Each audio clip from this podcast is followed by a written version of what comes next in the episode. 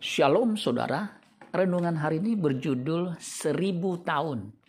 Mazmur 90 ayat 4. Sebab di matamu seribu tahun sama seperti hari kemarin.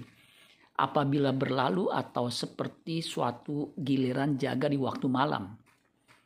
Kata seribu dari kata Ibrani elep.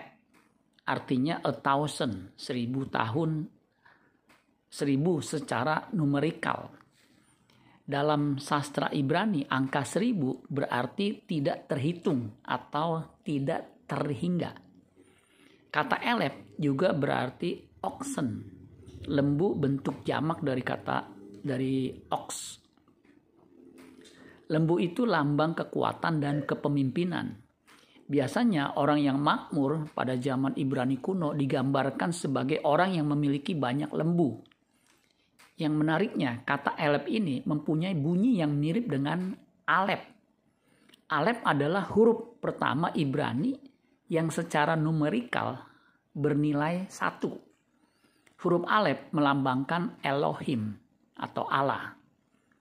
Dari sini kita bisa memahami Elohim atau Allah yang disembah orang Israel adalah Allah yang tidak dibatasi oleh waktu Allah yang berkuasa. Semua yang ada di alam semesta ini bersumber dari satu pribadi, yaitu Allah. Ia berkuasa menciptakan dari yang tidak ada menjadi ada.